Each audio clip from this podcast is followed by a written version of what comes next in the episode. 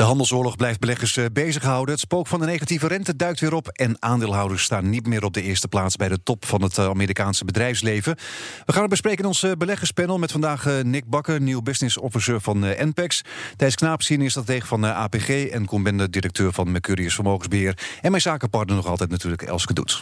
Welkom allemaal. Ja, eerst maar eens even die laatste transactie. Nick, wat was jouw laatste transactie? Ja, op 18 augustus kwam er een bericht uit over General Electric dat zij uh, gefraudeerd hebben met de, met de boeken. En uh, toen ben ik op de opening uh, short gegaan in General Electric. En eigenlijk, ik heb meteen een terugkooporde gelegd op 8 dollar. Nou, die werd dezelfde dag al ook weer uitgevoerd. Dus dat was erg leuk voor een, voor een middagje zo. Voor een middagje even snel verdienen. Ja, dat was erg leuk. ja. Oké, okay, Elske, ik vraag het jou maar even trouwens. Ik ga even met de klok rond. Ja, nou ja, ik laat dat voor mij doen. En ja. soms roepen ze van, wil je dit nu verkopen of dat nu verkopen? Maar deze zomer ben ik wat behoudend met wat behoudend, oké. je bent een beetje voorzichtig inderdaad. Oké, nou Thijs, wat uh, was jouw laatste aankoop? Ja, soms is blijven zitten gewoon het beste idee. Dus dat is helemaal niet gek. Ja, ik, vind, ik worstel altijd een beetje met de laatste aankoop. We beheren meer dan 500 miljard. Er gebeurt elke dag heel veel. Ja. Uh, meestal kom ik dan met een... Uh, de, meest de meest spectaculaire. Nou ja, precies, dat zeg ik. Meestal kom ik dan met een, een hotel of een, een startbaan die we gekocht hebben. De, maar we hadden de afgelopen weken ook niet heel veel. Dus ik denk, laat ik maar gewoon eens wat business as usual hier, hier brengen als, als laatste transactie. We beleggen heel veel in, in andere valuta's. Amerikaanse dollars, Britse ponden. En dan is altijd de vraag, wil je het risico lopen dat die, die munt tegen je beweegt... als je eigenlijk alleen maar de, de belegging in het buitenland wil hebben? Uh, over het algemeen hebben we maar een derde van de belegging in euro. En dat betekent dat er honderden miljarden in die andere valuta's zitten. Daar worden er uh, een heleboel van afgedekt. Je kan dan termijncontracten afsluiten om, uh, om te zorgen dat als die valuta minder waard wordt... dat het niet in je resultaat komt te zitten. Mm -hmm. En ook de afgelopen maand is die valuta hedge weer doorgerold. En dat is een beetje business as usual. Ik meld het hem al nooit, maar ik denk, ja, het zijn toch ook weer tientallen miljarden euro's die daarin uh, omgaan. En dat is, uh, dat is ook een transactie die misschien wel eens een keer in, de, in het spotlight uh, moet staan. Vooral in tijden van valuta-oorlog, waarbij de, ja, de wisselkoersen nog wel wat meer kunnen bewegen. Dan ja, je kan er flink op verdienen, je kan er flink op verliezen inderdaad exact. met de valuta. Ja. Nou, Koen, wat was jouw laatste?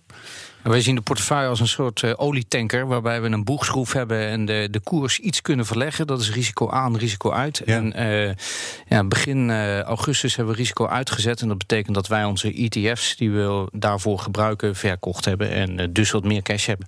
Oké, nou ja, dan gaan we naar die G7-top. Want ja, die is weer ten einde. Inderdaad, ook veel vuurwerk door Trump. Daardoor is misschien iedereen ook een beetje voorzichtig aan het worden. Inderdaad, hij kondigde nu wel aan om te gaan praten met China. De dagen daarvoor leek het allemaal nog op te laaien begrijpen jullie het allemaal nog eigenlijk?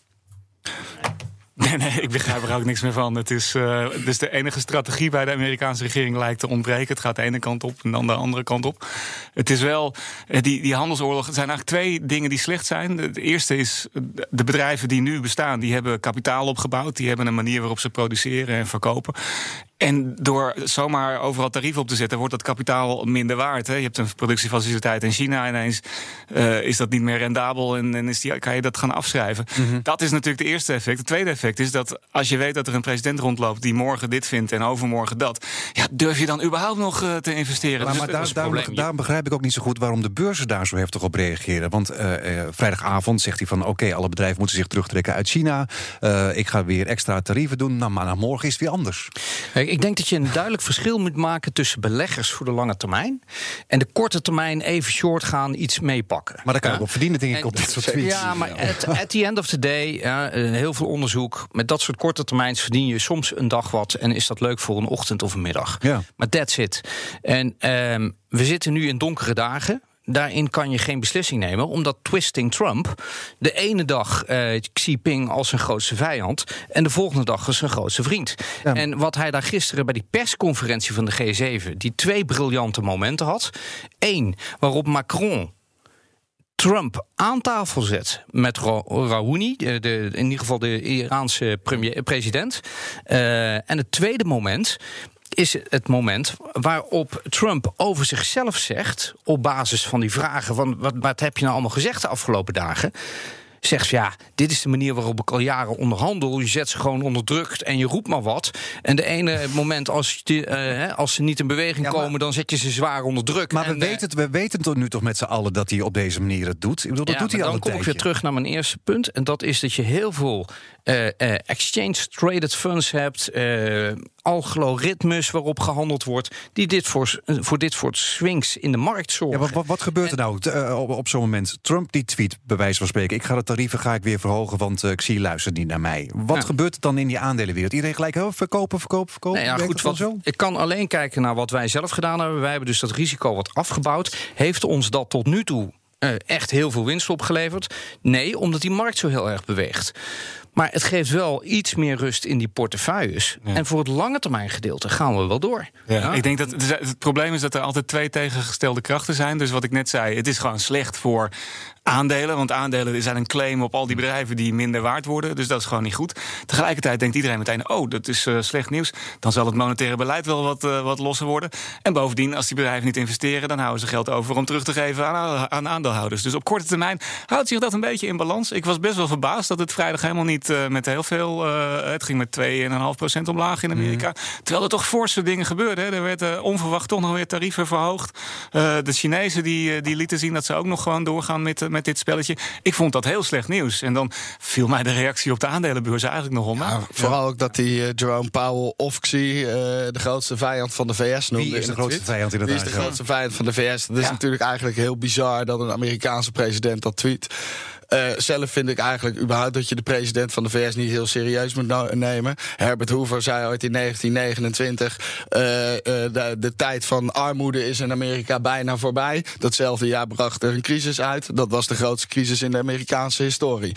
Eh, en deze president, ja, die runt, die runt eigenlijk, die denkt de beurs te kunnen runnen als een soort pump-en-dump aandeel. Weet je, zoals Elon Musk eigenlijk Tesla probeert te pumpen met achterlijke persberichten en ja. rare dingen. Zo probeert hij de hele Amerikaanse markt te pumpen. Maar, maar op, een korte termijn kan je hier toch ook gewoon aan verdienen? Gewoon uh, zo snel mogelijk uh, eigenlijk kopen als uh, Trump tweet dat hij de tarieven gaat ja, verhogen? Dat, ja, dat zijn computers tegenwoordig. Ik denk dat je daar te laten dat zijn de computers. dat zijn de computers tegenwoordig. Daar kan, je, daar kan je niet meer bij. Dat gaat dat zo snel tegenwoordig. Dus op een korte termijn dat lukt niet meer, zeg maar. Nou, dat is heel moeilijk. Okay. Dat is je heel moet moeilijk. sneller dan zijn Twitter-account zijn, want hij heeft vaak een serie van meerdere tweets.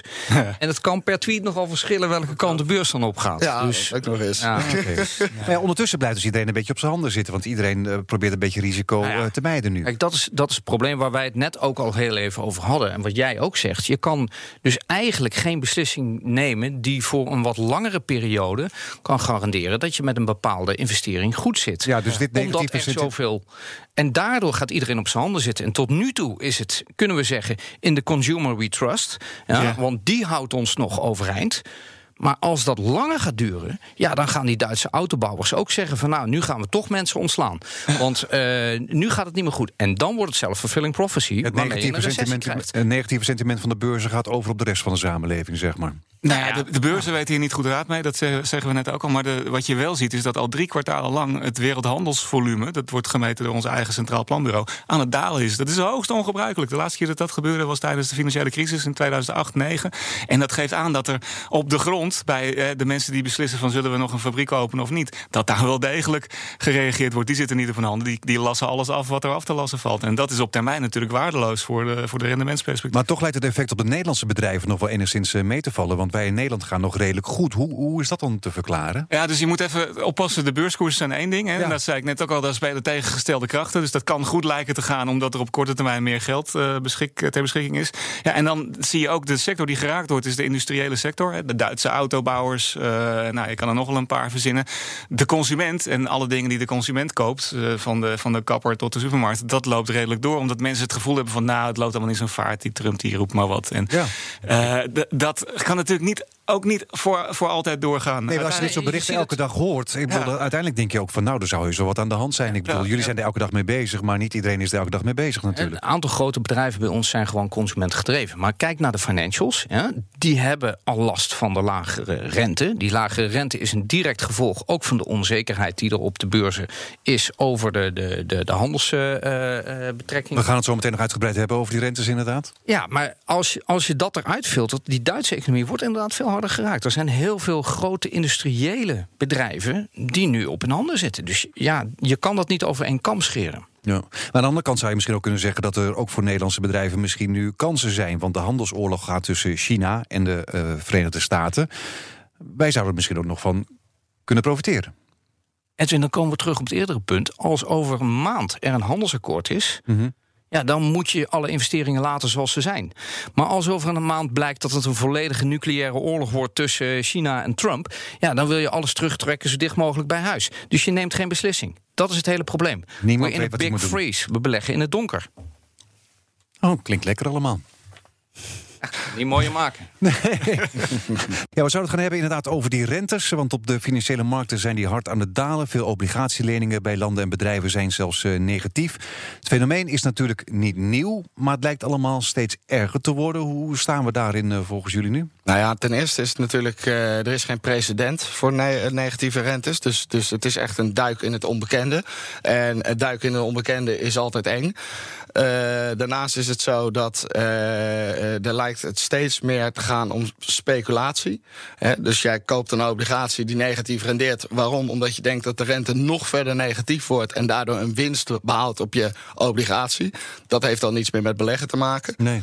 En aan de andere kant is het voor ons, voor, voor MPEX is het wel heel goed. Want wij hebben veel MKB-obligaties die zo'n 6 tot 10 procent doen. En we zien toch wel dat beleggers vaak een stukje van hun kapitaal dan risicovoller gaan parkeren. En dat kan onder andere in aandelen of in MKB-obligaties bij ons. Uh, ja, dat, dat zijn toch wel ontwikkelingen die wij veel uh, zien. Ja, het levert dus eigenlijk steeds meer nadelen op die lage rente. Ook ja, en ik, ik vind het. Kijk, er zijn ook levensgevaar. Wat mij betreft zijn dat levensgevaarlijke ontwikkelingen. Dat particulieren direct in MKB-bedrijven gaan beleggen tegen 6, 7 procent rente.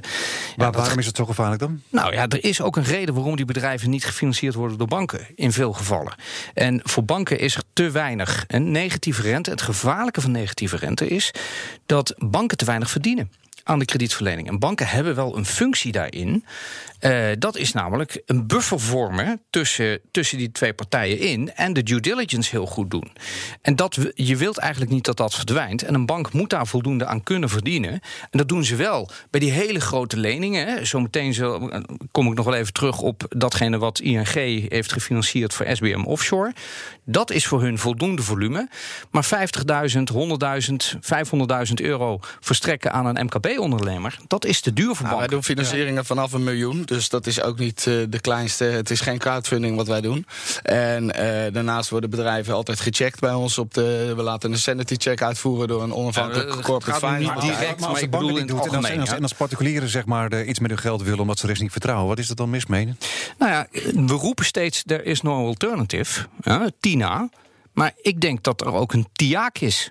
En TIAC is, er is een alternative en dit is cash. En dat je 0,4% moet bijbetalen dadelijk bij Van Landschot, ING, eh, ABN AMRO... is voor sommige partijen prima. Ik denk dat er heel wat beleggers zijn die in 2018 het prima hadden gevonden... om 0,4% op hun cash bij te betalen. Want om het maar even uit te spellen, als je andere dingen gaat doen... Uh, misschien hoger renderende beleggingen, dan neem je een hoop risico mee. Uh, dat risico manifesteert zich altijd een keer... en dan zit je dus inderdaad als misschien niet professionele belegger vast aan, aan een fors verlies. Dat is wel het gevolg van de lage rente. Mensen gaan op zoek naar een alternatief. Uh, en, en, daarom ga je maar obligaties kopen met negatieve rente. Zeg. Nou ja, dat is dus. Uh, dat kan een oké alternatief zijn. Ja, maar dan kan je toch ook in een oude sok stoppen? Of? Nee, want als jij weet dat het uiteindelijk bij de ECB terechtkomt of bij de Nederlandse staat, ja, dan heb ik die liever als debiteur dan dat ik dat uh, al bij een MKB-bedrijf voor 4, 5 procent neerzet. Maar je, maar je, weet in ieder geval dat je je geld houdt, dat je niks kwijtraakt. Nou, ja, voor sommige obligaties en sommige investeringen. Ik hoorde laatst iemand die al een appartementje gekocht. Bruto aanvalsrendement 3 procent. Ja. En dan zit je jaren aan vast. Ik vind dat te weinig voor het risico dat je loopt. Want als je dadelijk leegstand hebt of als de boel omdraait, ja, dan heb je, dan heb je slechts 3%. En als we leegstand krijgen, als we weer een 2008 krijgen, wat mhm. zeker niet uit te sluiten is, oh, reken dan maar dat je, uh, dat je op dat appartement ook geld verliest. Ja. Dan word je niet gecompenseerd nou, voor je risico. Als wij, als wij in 2008 krijgen, dan verlies je op bijna alles geld. Want zelfs goud ging omlaag in 2008. Ja, maar dan wil je, dan wil je liquide assets hebben waar je, waar je meteen uit kan. Ja. En staatsobligaties op zo'n moment niet. Een anti-groeiscenario gewoon niet eens realistisch? Ik gooi eventjes uh, een andere boeg. Lekker. Ja. Dat is misschien wel een heel mooi bruggetje naar het volgende, uh, volgende onderwerp. En dat is, moet het aandeelhoudersbelang dan niet meer op de eerste plaats staan? Ja, dat was, zover was ik nog niet, maar we kunnen ja. daar inderdaad wel even over hebben. Ja, ja nou ja, ik, uh, ik vind het op zich geen slechte ontwikkeling. En ik wil het meteen koppelen aan datgene wat we in de Amazone zien. Ja, het feit dat de Braziliaanse president uh, hulp weigert, zou misschien wel aanleiding moeten zijn om niet meer te investeren in Braziliaanse staatsobligaties. Nou, waarom? Dat is alleen omdat het niet zo. Hij, hij vindt het Westen arrogant. Nee, hij, hij, jullie, hij staat het in zijn beleid toe dat er veel meer ontbost wordt op deze manier.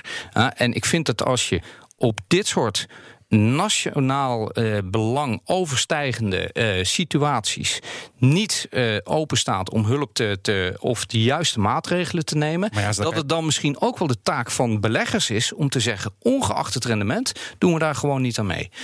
Maar dan zou je dat wel bij meer landen kunnen doen, toch? Ja, dat gaat op mensenrechten, dat gaat op, op milieu, dat gaat op heel veel gebieden. Ja, maar we krijgen ineens een omslag daarin, dat daar ineens op Dat is helemaal niet ineens een omslag, want de eh, APG doet dat al, het Noorse pensioenfonds doet dat al. Dat heeft uh, zeer uh, uh, goede gevolgen, want dat leidt ertoe dat heel veel bedrijven zich steeds meer bezig gaan houden om het milieu. Waaronder dat de Business Roundtable in de VS zegt, wij vinden het aandeelhoudersbelang niet meer voorop staan, maar het belang van de volgende generatie. Toch was ik daar niet heel tevreden over, hè? want dat was het nieuws. Laat ik eerst nog even ja. uitleggen. Die Business ja. Roundtable, dat is uh, niet zomaar een gezelschap. Uh, zeker 200 leden zijn goed voor een jaaromzet van minstens 7000 miljard uh, dollar. En ja, CEO's van Amazon, Apple, Coca-Cola, die zitten er allemaal in. En die zeggen dus inderdaad, we gaan nu voor de lange termijn en niet meer voor de aandeelhouderswaarde. Ja, nou, dat is een goed streven, maar geloven jullie het ook? Nee, ik geloof dus er niks cola van. zonder suiker. Ja, ja, ik bedoel, daar ben ik misschien een beetje pessimistisch. Ja, ik, zou, maar ik, zou, ik, zou, je één ding vertellen waarom dit echt totaal hypocriet is. Ten eerste zit Jamie Dimon zit ook aan die tafel. Volgens mij is hij zelfs een van de voorzitters. En Jamie Dimon is de CEO van JP Morgan. En Jamie, Jamie Dimon betaalt zijn, uh, zeg maar zijn laagste medewerkers in New York... betaalt hij zo'n 35.000 dollar. En die mensen die kunnen daar helemaal niet van leven. Die komen zo'n 500 dollar per maand... als je gewoon de, maan, de maandelijkse kosten gaat uitrekenen komen ze 500 dollar in de maand tekort. Doen, dat is, en dat is, wat hij nu dat zegt. is gewoon hypocriet, want hij moest voor het congres uitleggen uh, hoe dat nou kan. En hij, hij, komt gewoon op een rekensommetje uit. Jouw personeel komt 5000 dollar of 500 dollar, oftewel 6000 dollar op jaarbasis tekort. Waarom betaal je ze niet meer? En hij staat gewoon dat minimumloon te verdedigen. Ja, sorry, maar. Okay. En dan nu over. En dit dus ook niet meer? Nee, natuurlijk niet. Nee. Maar nu even de, de, wat we hebben de, inderdaad het idee van het Amerikaanse uh, kapitaal, uh, kapitalisme is heel, uh, heel erg op de aandeelhouder gericht. hier hebben we wat meer het Rijnlandse model. En daar hebben we allerlei andere mensen aan tafel zitten. De uh, werknemers hebben, hebben inspraak, dat is formeel geregeld. Waarom ik niet zo tevreden was over dit initiatief, was feitelijk dat, dat die bedrijven zeggen: Nou, die aandeelhouders hebben we wel een beetje genoeg van, die moeten wat minder te zeggen krijgen. Uh, maar daar komt geen alternatief van. Uh, dan gaan we de werknemers wat meer te zeggen geven. Of we gaan luisteren naar onze klanten. Of we gaan. De... Nee, het alternatief is dat het management van het bedrijf meer te zeggen ja, krijgt. Precies. Dan zeg ik als aandeelhouder: ja, wacht even. dan denk ik toch echt dat wij daar beter in zijn dan Jamie Dimon en alle andere uh, ja, mensen. Jamie Dimon denkt alleen nog zijn Iedereen is wel flink wantrouwend. Hè? Of, uh, maar, zij, zij denken iets goeds te doen waarschijnlijk en niemand gelooft het. Maar ik denk dat je, dat je terug moet naar de macht van het kapitaal. Het macht van het kapitaal heeft er uiteindelijk voor gezorgd dat de Sovjet-Unie op zijn knieën was. Dat Griekenland de hervorming heeft doorgevoerd. En zo kun je nog wel een tijdje verder doorgaan. En ik denk dat je uiteindelijk daarmee ook de macht hebt om een land als Brazilië of heel Latijns-Amerika beter met het milieu om te laten gaan als ze niet meer te financieren zijn. Dat we ons niet alleen druk maken om datgene wat er in Argentinië gebeurt, maar op de financiële markt ook druk maken om datgene wat er op milieugebied in, in ja, maar, Brazilië maar, maar, gebeurt. maar, maar, maar, maar gaat dat gebeuren? Ik bedoel, je hebt natuurlijk Ja, heel veel, heel dat veel denk landen ik waar wel. bomen worden gekapt. Maar het gaat- eh, ja, maar het heel gaat veel stap landen voor elk stap. jaar bosbranden zijn, eh, omdat, eh, omdat mensen Edwin, het gaat stap weer... voor stap. En het zijn hele kleine stapjes waarmee je uiteindelijk een grote stap maakt. En ik denk dat je daarin, hè, ING, we kunnen dat verhaal van Jamie Dimond ook naar Ralf Hamers halen. Ja, en, en ING. Maar ING heeft eh, in augustus voor de eerste eh, SID eh, afgesloten. En dat is een renteproduct waarbij ze zeggen. ehm, Jij betaalt een rente die ook afhankelijk is van hoe goed jij met je eigen milieudoelstellingen of met onze gezamenlijk afgesproken milieudoelstellingen omdoet. Mhm. En wat hebben ze, dat hebben ze gedaan met SBM Offshore, die toch in een vrij lastige business zitten. Dat is een eerste stap. Mhm. Waarom? Als ING dat niet doet, dan zeggen grote beleggers zoals uh, Thijs uh, naast me: uh, van ja, ING, jij let niet heel goed op hoe het geld dat jullie uitlenen wordt geïnvesteerd en we lenen jullie geen geld meer. En dat is uiteindelijk de macht die ertoe dwingt. En daarom heb je helemaal gelijk als je zegt van goh, die macht moet niet naar het bestuurskamer gaan, maar die moet wel bij de aandeelhouder blijven. Maar je moet ook kijken wat voor aandeelhouders heb ik aan boord en wil ik aan boord hebben. Goed. Daar zat ik op te wachten. Dat was inderdaad het punt. Wat wil, de aandeel, wat wil de aandeelhouder? Nee, dat ging heel spontaan, maar het was wel goed. Wat wil, en ik denk dat daar inderdaad een soort omslag is. Want kijk, sommige mensen willen inderdaad in een middagje een mooie winst draaien. Maar lange termijn beleggers, en daar zijn wij er één van. Wij willen niet alleen een rendement, maar we willen ook dat mensen die daar uiteindelijk van moeten leven. In een goede wereld. Uh, die niet ver, geen uh, nare woorden zeg maar, die niet uh, vervuild is of op andere manieren uh, er slecht aan toe is. Anders heb je aan dat geld ook niks. Dus we hebben een breder belang. En dat proberen we inderdaad op veel manieren aan, aan de orde te stellen. Niet altijd onmiddellijk. Hè. Ik weet niet of we wel beleid hebben op, op Brazilië op dit moment. Maar dat, dat is wel iets wat we in het oog proberen te houden. Naast het verwachte rendement, wat ook altijd goed moet zijn. Maar hoe gaan jullie dan om met fossiele industrie? Nou, daar, daar zijn we dus heel druk mee. Dus kijk, we zijn aandeelhouder. Ja, nee, dat, nee ik, ik, kan het wel toelichten. Dus we zijn aandeelhouder van grote oliemaatschappijen. Hè. Dat, uh, dat is de fossiele industrie. Maar wat hier al even gememoreerd wordt, je kan een actieve aandeelhouder zijn. Dus je kan uh, bij aandeelhoudersvergaderingen zeggen van jongens, wij willen wel dat jullie het oog houden voor de gevolgen van jullie, uh, van jullie bedrijf. En dat je niet alle, bijvoorbeeld dat je niet gaat boren op de Noordpool waar je enorme schade aanricht om die laatste paar euro's eruit te trekken. Dat hoeft van ons niet. En we hebben liever dat je dat niet doet. En dat, dat je dat niet doet. En dat kan je vastleggen in een contract of je kan het informeel doen. Maar de, door te engagen. En dat gebeurt, uh, en dat gebeurt absoluut. Ja. ja. Nee, daar zijn we, wij kiezen, wij kiezen in onze. Kijk, wij hebben niet de power die APG heeft om dit soort veranderingen te, eh, te bewerkstelligen. Maar wij kiezen er wel heel duidelijk voor dat er partijen zijn die engagen. En die niet zeggen van goh, wij lopen weg van de fossiele industrie. Mhm. Maar we stellen kritische vragen en we zorgen ervoor dat de resoluties op aandeelhoudersvergaderingen worden gedaan. En wat jij net deed, Elske, is uh, iets wat uniek is. Want niet heel veel mensen kunnen aan iemand van hun bank die vraag zo stellen. Maar het is goed dat het gebeurt. En het gebeurt natuurlijk op steeds meer plekken. En daarom is Triodos succesvol. Daarom zie je steeds meer ja. uh, sustainable bandaten komen. Dus het komt van twee kanten. Het komt aan één kant dat hele grote kapitaal van de pensioenfondsen.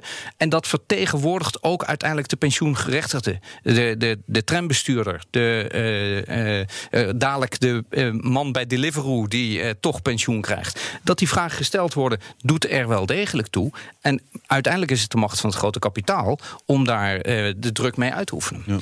Maar kapitaal blijft wel de drijfveer. En dat Natuurlijk. is uiteindelijk wel. En als kwaad. Bolsonaro niet te financieren is, als Brazilië niet meer te financieren is, dan wordt hij weggestemd. Zo simpel is het.